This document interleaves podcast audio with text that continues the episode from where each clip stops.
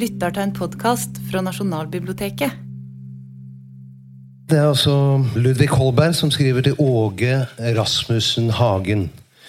København 6. mars 1723. Høyst ærede gode venn.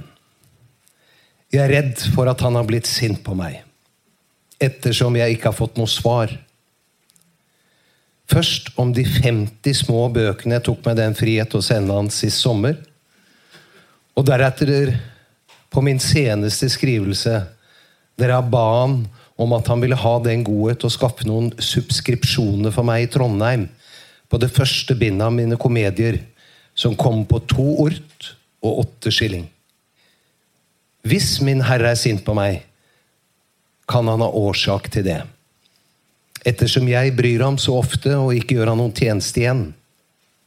Men jeg ville gjerne vite om han har fått mine brev, slik at jeg kunne vite hva han tenker, at dersom han ikke har anledning til å ta imot dem, ettersom han kanskje ikke alltid bor i Trondheim, eller kan ha andre årsaker, at jeg da kunne be ham overlate disse sakene til en god venn i Trondheim, som både han og jeg kjenner.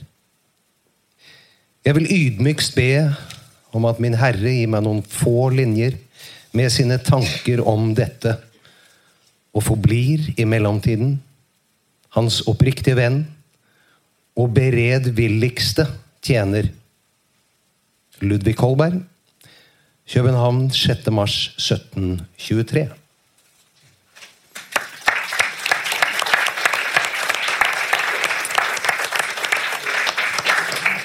Nå har vi beveget oss til 1700-tallet igjen.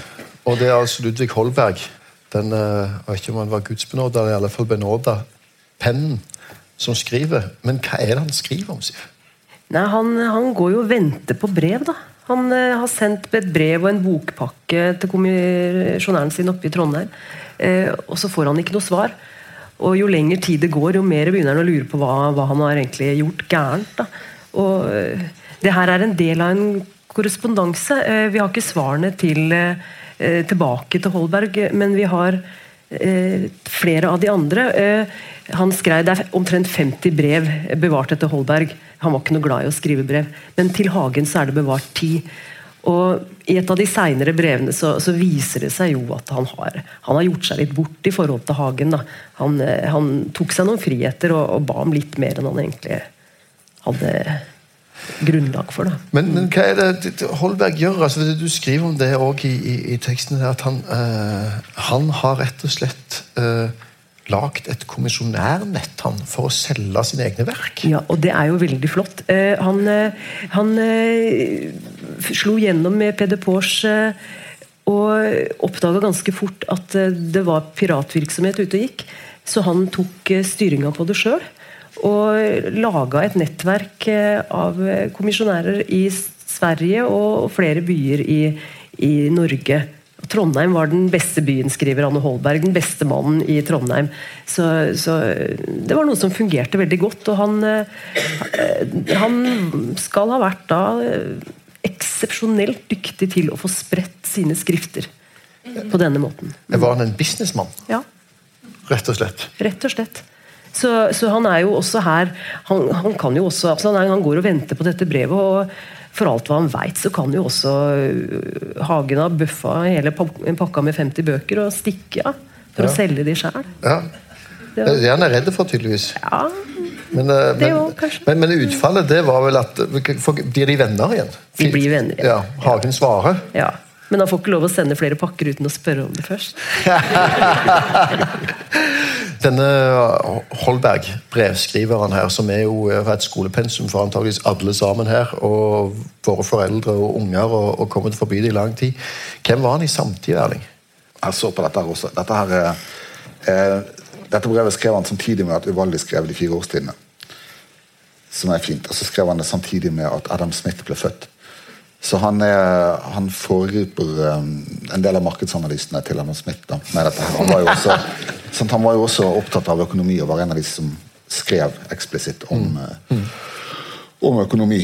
Og, og, han opererer i en fremvoksende borgerlig offentlighet. Jeg kan jo bli litt snurt over at han skriver at Trondheim er den beste byen. Jeg i denne Jeg likte ikke det. Men det ville han jo det ville han, ha, han ville ha skrevet det samme til en bokhandler i Bergen. Han gjorde ikke det. At det var eh, Bergens Han skrev det til Trondheim. Om Trondheim. Ja, Ja, nettopp. til Trondheim. Men men nettopp. hvis han hadde skrevet til Bergen Har han skrevet til Bergen at Trondheim ja. er den beste byen? Det er spørsmålet. Ja, sikkert ikke.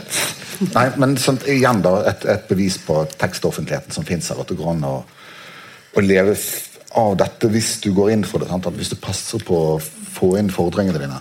Mm. Men, eh, men han, han er jo tydelig da i et litt sånn der vanskelig fase av oppbyggingen av dette nettverket. fordi at han oppfører seg som han skulle ha en annen autoritet enn den markedet gir. Kanskje, hvis han bare har sendt dette av gårde for at det skal bli solgt. Men det er jo du også inne på, Siv, at han, disse som selger for han, disse kommisjonærene nærmest, som- er rundt, de tjener ingenting på det. Altså, De får- tjener ingenting, De, nei. de, får, de får ikke noe kutt, de har ikke noe bokhandelrabatt eller noe som helst. De, de gjør, det er gratisarbeid. Ja. Hva, hva, men hvorfor gjør de det da? Altså, du kom jo ganske, de kom jo tett på begivenhetene. da. Altså, Holberg var jo et stort navn på den tida her i København og ble satt opp eh, på scenene på Grønnegate teater. Og, og var jo, Det her var i den poetiske rapptusen hans hvor han skrev massevis. Det var skjemtediktene han sendte oppover uten at han fikk noe svar på dem. Men, men det, var jo, det var jo tett på. da. Du kunne være litt sånn ledende, ledende litt- litt så- kulturell person. Er litt sånn, jeg, jeg kjenner Bob Dylan. Uh, Ja, litt, litt sånn. Men tjener de virkelig ingenting? Nei, Hagen fikk eh, etter, mm, etter ti år, tror jeg, så fikk han en bok, da. For deg. Det var jo hyggelig, da. Men, men Er dette normalt, eller er denne Holberg eh, et økonomisk talent òg fordi at han er veldig gjerrig? Det var jo noen som tok den profitten hvis ikke han tok den. da. Altså bok, Boktrykkere som eh, la til side og, og solgte det på svartebørs. Altså, det var jo, Peder Pors var en kjempesuksess. Det ble trykt i mange mange opplag. Så eh, om han var gjerrig Det er jo myter om det, at, eh, at han var det. Men han var vel også en dyktig forretningsmann. da. Men vet vi, vet vi hvordan det der er? For det, altså det, det har jeg i hvert fall lest, at, at det folk virkelig kjøper av Holberg, det er jo da de moralske og historiske, altså sakprosaskriftene hans. Eh, mens her handler det om komediene. Det er Peder Pors og, og skribenter til komediene. Og det er akkurat midt i den poetiske raptusen. Han holder på å skrive så enormt mye. Eh, og så fins det jo et marked for sakprosaen, men så kommer man med dette alternativet. Jeg vet ikke da om sånn, hvis, Det kunne man tenke seg at hvis du selger eh, komediene mine, så skal du få selge det som det er penger å hente på også. Men, eh, men jeg vet ikke. Selv bokhandlere må jo ha hatt profitt en eller annen gang. Vi vet at de ikke har det lenger. Og de hadde det ikke i 1723, men Nei, men det var jo heller ikke mange bokhandlere. nei. Så, så det var jo sånn eh, bøkene ble, ble det ble spredt, og det er det egentlig ganske lenge. altså Abonnementsordningen er jo før bokhandelen og det andre på at du tegner deg for å og den, den lever jo helt fram til vår tid. Ja, og samtidig markedsundersøkelse for å se hva slags interesse det var Ja. for, for de Ja. kommende skriftene. Så det, Det, jeg, har sju spørsmål som jeg skulle ha stilt dere nå, og fire historier. forteller meg, Det må én ting vi må ta før vi går til neste lesning. og det er for Dette er jo et privat brev. De som er lest fram til nå, vi har snakket om, er jo brev for offentligheten ikke sant, som, som skal løses opp. Dette er et privat brev, men det er et forretningsbrev. Men men når kommer det, det brevet sånn som vi kjenner det inn i historien? Den private meddelelsen mellom to mennesker, eh, sendt på papir med skrift, eh, som ikke skal leses nødvendigvis høyt for alle eller eh, andre, men som er den brevet sånn. Når begynner man å skrive brev av den formen? altså det første vi har i vår samling, er det fra Huitfeldt til Trolle. eh, Fra 1557. Nå får Karen arrestere meg hvis jeg sier feil årstall, men jeg tror det var 1557. Eh, 52. 52. 52. Takk. takk. Eh, og, og det er jo et privat brev fra en svoger til en annen. Eh, og det er et eh, veldig personlig brev. altså Det er jo eh, det befester jo posisjoner og familiebånd. Og snak, nei, han skriver litt om Han sitter i, Bergenhus og, og har full oversikt over handel og vandel. Han kan gi sin svigerinne råd om om hvor hun skal selge sin dyrebare ull. Han- skriver om sykdommen til kona. Eh, han skriver om eh, barnet som deres sønn, som da er hos eh, svogeren og, og kona. Det er, det er privat, og det, er, det, er, det starter tradisjonelt sånn kjære, kjære svoger. og, og det er en veldig intim tone. da, Du får følelsen at han har sittet liksom lenge og formulert. Og, og det her er jo Det her er eh, skrevet på et nydelig, nydelig papir. Dyrt papir. Eh, franskprodusert. En liten sånn eh, fin sånn krukke med en blomst som stikker opp hvis man gjennomlyser papiret. Veldig flott lyst papir. Og, og, han har gode marger. Han har ikke trengt å spare på noen ting. Men det er jo lukka, forsegla, sånn at eh, det, det, her er ikke for andre. Er, eh, familien skal kunne lese det. Det er ikke, det er ikke, det er ikke intimt, men det er, privat. Mm. I dette brevet her så er det én setning. Kona har vært syk. og Han skriver altså til svogeren sin, broren til denne kona. Kona hans uh, har vært syk, nå er hun bedre. Lenge så ville hun ikke se han i det hele tatt og ville ikke vite av han, men nå vil hun være hos meg hele tiden.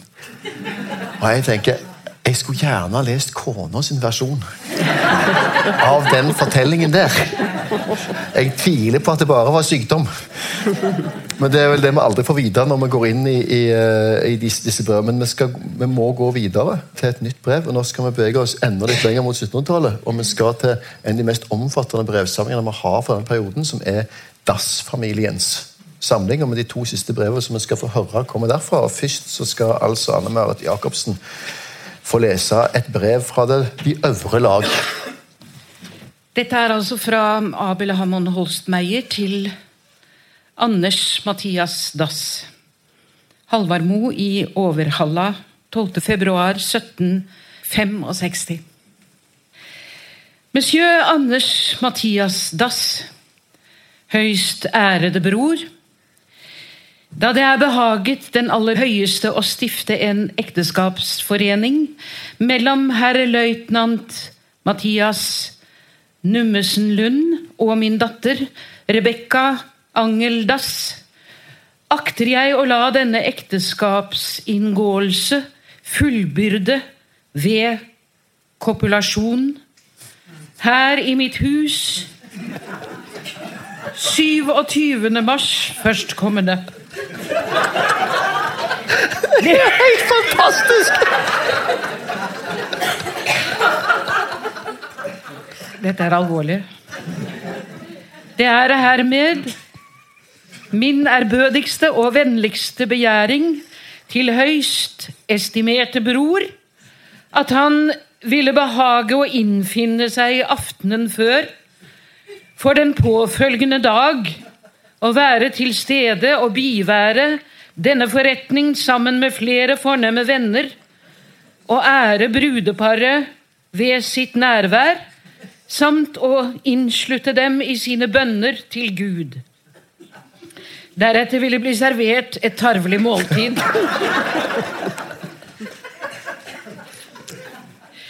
For en slik æresbevisning fra ham vil jeg være meget takknemlig.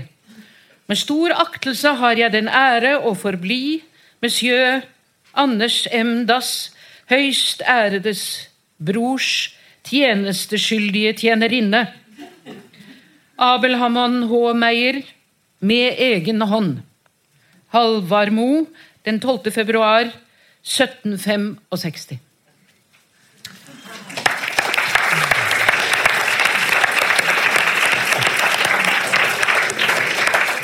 kjenner meg litt som når jeg gikk på ungdomsskolen når vi skulle ha seksualundervisning. kjenner jeg.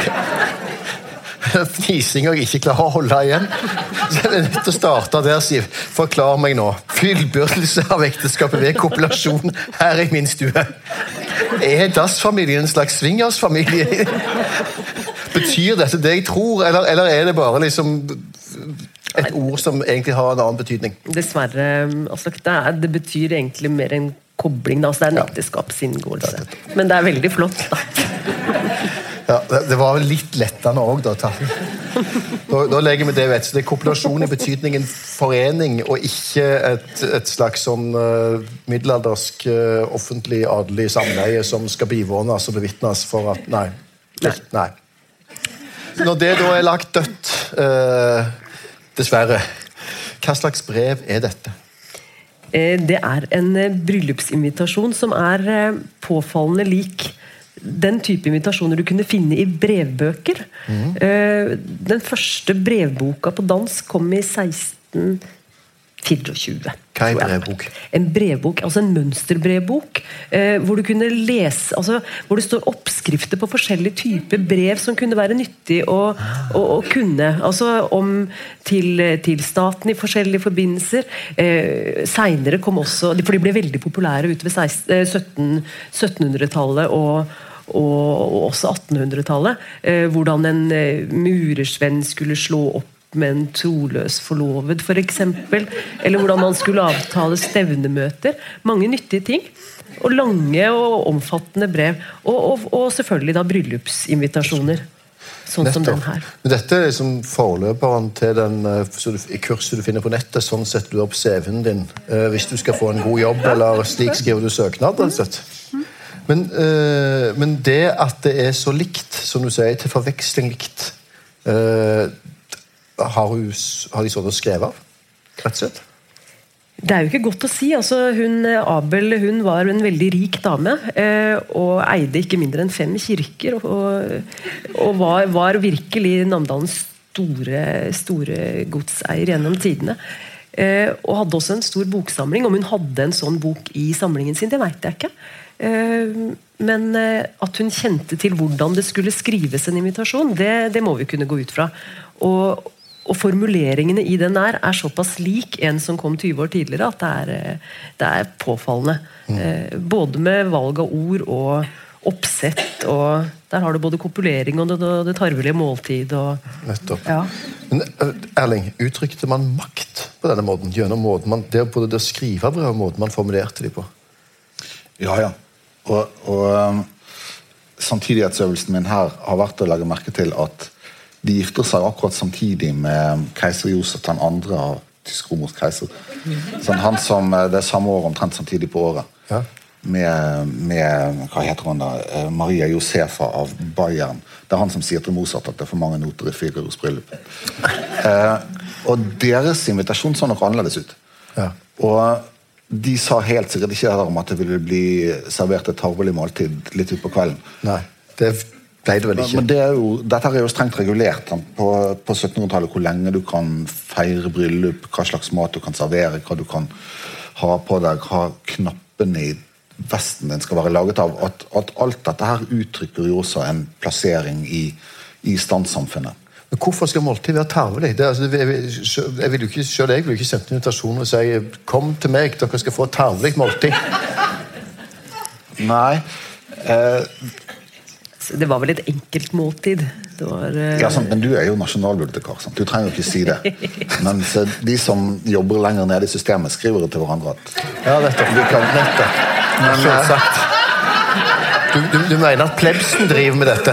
Ja, vi, vi, gjør, vi gjør det fremdeles. Men, men men, jo, men, men, sant, um, dette her er et samfunn der um, samfunnsordenen kommer til uttrykk.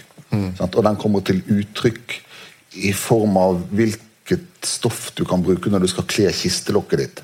Klær, sko, hvor lenge et bryllup varer, hva du kan servere. Så det viser jo da også en, en sånn statslojalitet og en bevissthet om sin plass i samfunnet som er prisverdig, og som er en del av en sånn invitasjon. Sant? At vi vet hva vi kommer til her.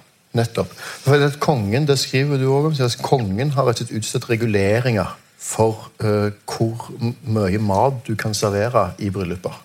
Eh, og Da tenkte jeg intuitivt at det var for å spare ressurser. at det var et slags Miljøparti De Grønne-tiltak for, for å sikre at man fordelte eh, ressurser og ikke drev overforbruk. Men var det for å sikre at ingen prøvde å overgå de høyere enn seg i, i, i, eh, i luksus? Eller, eller er det det er det som er poenget? Ja, sant? Det er jo et eller annet sånt stort poeng under alt her som handler om liksom, hva, hva, hva skrift gjør. Og dette her er jo en sånn slags sosial skrift. Sant? At, at du kan lese en sånn ting som en bryllupsfeiring som et slags brev eller en bekjennelse om hvor man står i samfunnet. Og at også maten du serverer, gjenspeiler det. Så du skal ikke lyve når du serverer. Hvis du serverer over din stand, så sier du et eller annet usant om hvem du er. Så det at, at du angir at du skal servere et måltid i pakt med statens regulativ, viser at du har forstått akkurat dette. Nå skal det sies at et tarvelig måltid i denne forstand det var opp til åtte retter, stemmer det? Ja da, de blei av mette, tror jeg. Ja. Dette brevet Siv, det kommer fra, fra Dass-familien. Og jeg ser at de fire siste brevene vel, i samlingen her er fra den samlingen. Stemmer ikke det? Hvordan kan det ha seg at vi har så mye brev akkurat fra de? Nei, altså Det her var oldebarnet til Petter Dass som samla inn brev som var eh, skrevet av folk i nærheten. da. Eh, og Derfor har vi også mange av disse kvinnebrevene som er eh, sjeldne. Som gjør at du kommer veldig tett på ukjente menneskers eh, små liv. Eh, og det er jo veldig, veldig flott mm. da. Jeg har et spørsmål i forhold til tid jeg har så lyst til å stille dere. For at Vi sammenligner jo tidsaspektet med disse brevene hele tiden med samtida vår. hadde det vært for, eh, for 20 år siden, så ville vi sammenlignet med A-post eller, eller B-post. altså Hvor fort det kom i postkassen vår hvis Erling sendte et brev til meg fra Bergen til Oslo. så ville det, Hvis han leverte det før tolv i Bergen, være hos meg klokka tolv dagen etterpå. Nå går det fem sekunder. altså Jeg kan sitte og sende en mail til Siv, og så kan Siv ringe meg og si at nå har han kommet. og vi kan se den, den som er der. Så vi, vi sammenligner jo med det. altså Dette går utrolig seint. Men i sin samtid, når brevet blir lest, tror dere det opplevdes som Var det den tids e-post? Opplevde folk at Wow! Vi kan gjøre dette! Jøss, nå leser vi noe fra Roma eller noe fra, fra, fra Stockholm eller noe fra Bergen. Og det er kommet allerede nå. Har dere noen tanker om det? Altså, det, var jo, det var jo en stor motedille. Adelen fikk jo, som det er skrevet, altså skrivekløe på midten av 1500-tallet. Hvor, hvor papiret begynte å bli tilgjengelig og billigere, og, og, og portoen var overkommelig, og postgangen var noenlunde. Altså, man, man, fikk, man lærte seg å skrive, og man fikk, fikk øynene opp for hva slags rom de blanke arkene da faktisk kunne være. Da. For du kunne jo sitte der og, og mane fram nærvær til noen som var langt unna. og Det må jo ha opplevdes Ja. veldig flott, tror Ja, jeg. da. ja, det var jo en teknologi som, som en kommunikasjonsteknologi som, som kom for å bli. da. Ja, Levde lenge. Erling, hva tenker du? Det er vanskelig, Alle spørsmål med tid er vanskelige. Men det er klart at det er en, det er en stor begivenhet i den norske tidens historie at Postverket blir etablert i 1647. Men, men det er også et, sånn, et tegn altså På den ene siden så er det et tegn på en hverdagsliggjøring av brevskriving. Sant? At det er noe du gjør, og du kommuniserer på den måten. Og det går jo faktisk ganske fort. Eh, men det at du får et, et brev i hånden der teksten veldig lenge, og også etter etableringen av postvesenet, um, er, er ett med den begivenheten det forteller om. Sant? At, at skrift er sant. At et brev som er stilet til deg, taler med en stemme som er skriftens egen. Sant? Som er en, en ting, og som er sitt eget bevis. Det taler jo mot den hverdagsliggjøringstesen. Så noen av de eh, brevene her er jo akkurat det der nydelige spennet mellom det at det er hverdagslig å skrive, og at alle har sett et brev, eh, samtidig som, som det liksom har den der skriftens Autoritet. statlighet og Ja, autoritet. nettopp. Hvor, hvor det er stadfester at sånn er det. Ja. Og, og det der er noe annet enn enn akkurat det der spørsmålet om intime brev. For, dette vet vi jo heller ikke. Sant? Den følelsen av at her er det folk som snakker til hverandre, den kan du liksom få overalt i historien også. Sant? Når Seneca skriver rådgivende brev til, til sin yngre venn et stykke unna og sier at uh, husk på å lese gode bøker. Sant? Ikke les mange dårlige, les noen få gode om igjen. Så er jo det også en, en sånn personlig ting. Samtidig som vi da sitter med kunnskapen om at de har brevbøker som de har sett etter når de skulle slå opp med hverandre på 1700-tallet. Sånn at, at hva som er intimt og ekte i den historien, og hva som er formelaktig, og menneskets studie av hva det sjøl blir når det skriver om seg sjøl, det får vi jo som aldri helt tydelige svar på. Vi må bare lese brevene. Da skal vi lese det siste brevet fra dagen, som vi snakker om slutt, som vel er et eksempel på noen som ikke skriver etter formelen. Nei, som eh. Som, som, som er et annet sted, og det er noe så sjeldent som et tjenestepikebrev fra København i 1776. Så Høyst ærede kjære søster. Min kjære søsters kjærkomne skrivelse av 26. april vil jeg takke hjertelig for. Jeg kan med sannhet si at så vel min kjære søsters skrivelse som den muntlige avtalen med Kipsgård har gledet meg. Da jeg derav er fullt forvisset om at samtlige lever vel.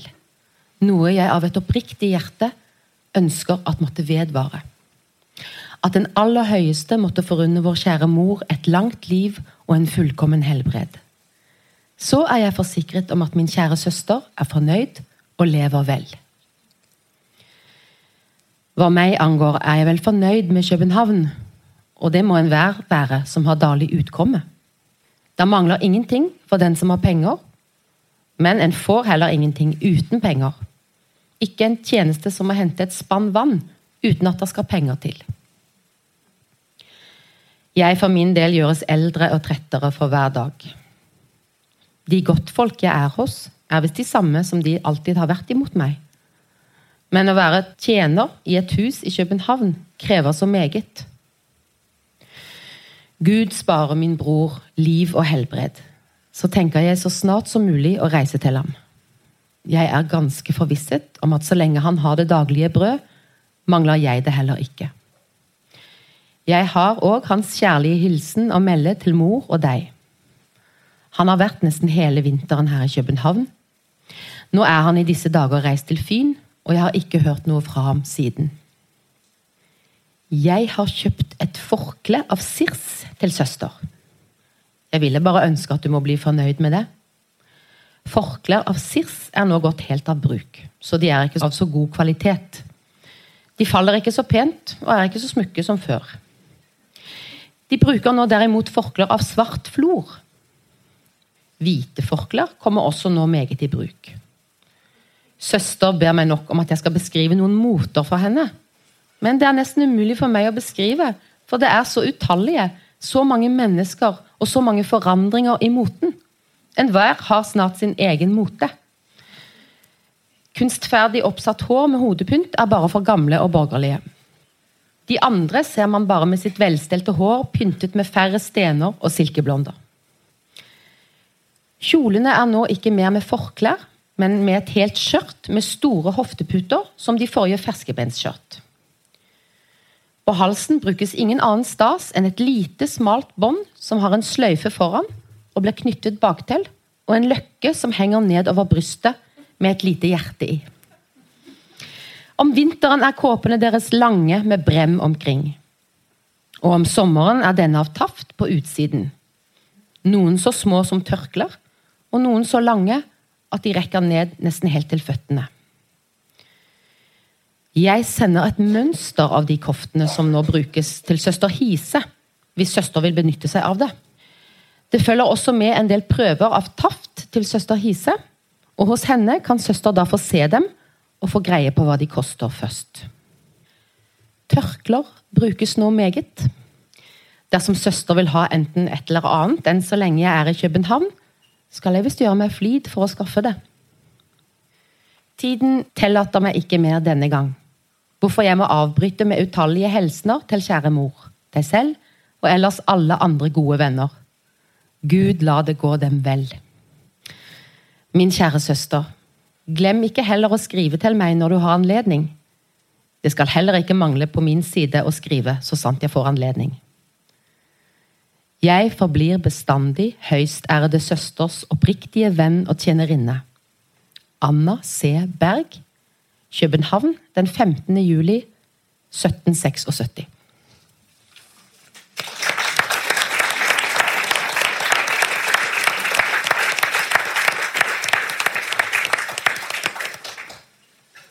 Her var det ikke noe, noe du kunne hente den brevmalboka, var det det? Nei.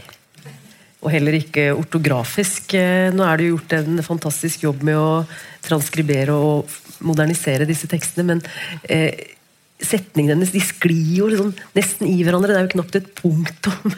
og det er, hun bruker dialektord, feskebenskorter.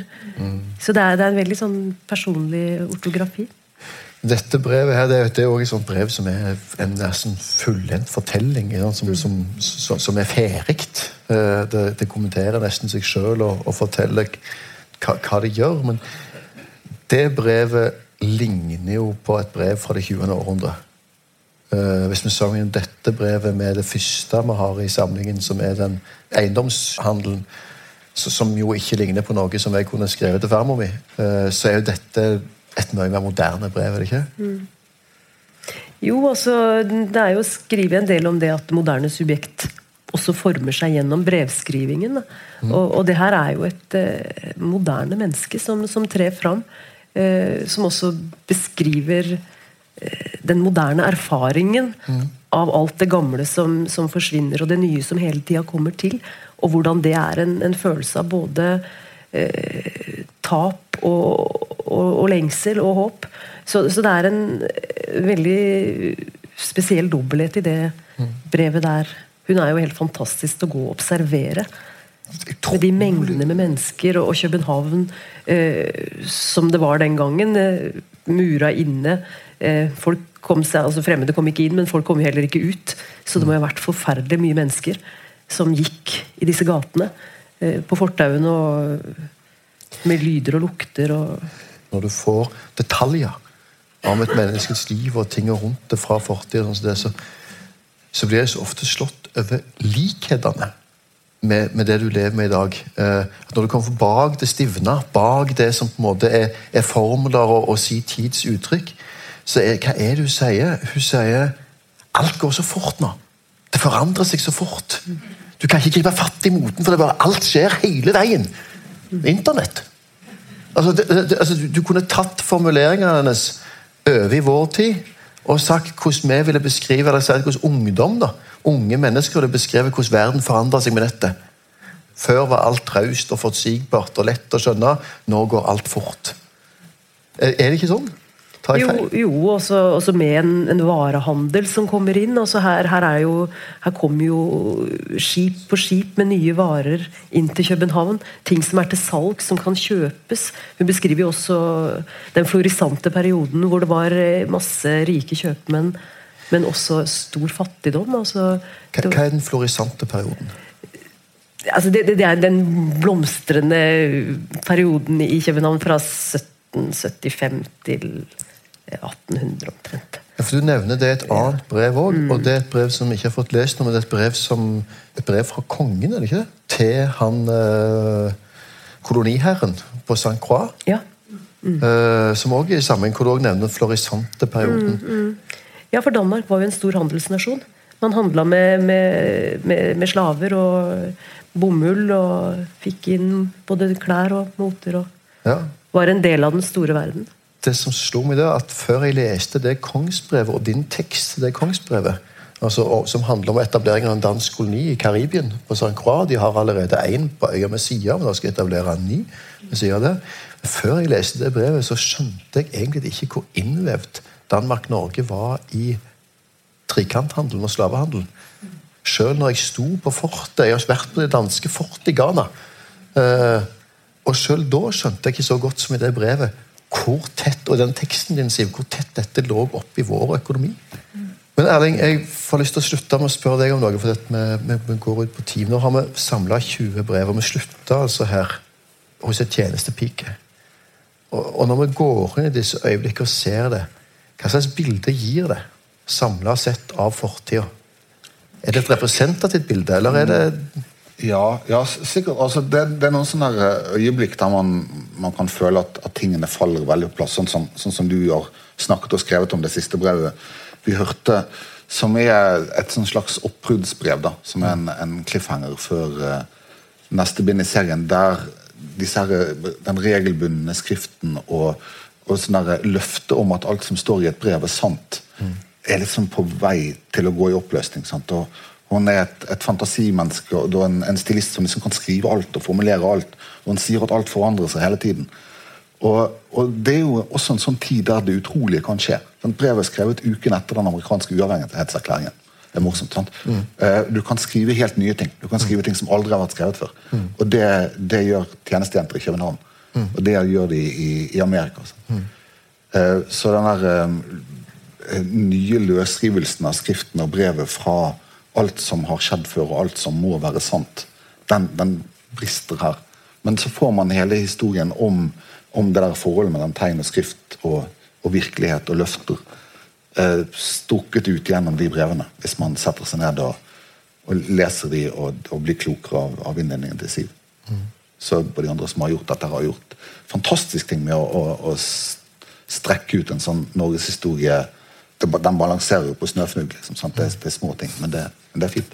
Er det det du har gjort, Siv? Når du har jobbet med disse tekstene og brev og, og, og på veien? Ja. Jeg føler det. Ja. Balansere på snøfnugg er en veldig fin setning å slutte med. Dette er en bok som gir oss norgeshistorien fra eh, 1378 til 1776, balanserende på de snøfnugger av frosne øyeblikk som disse 20 brevene er. Det var bra! Lagde den nå.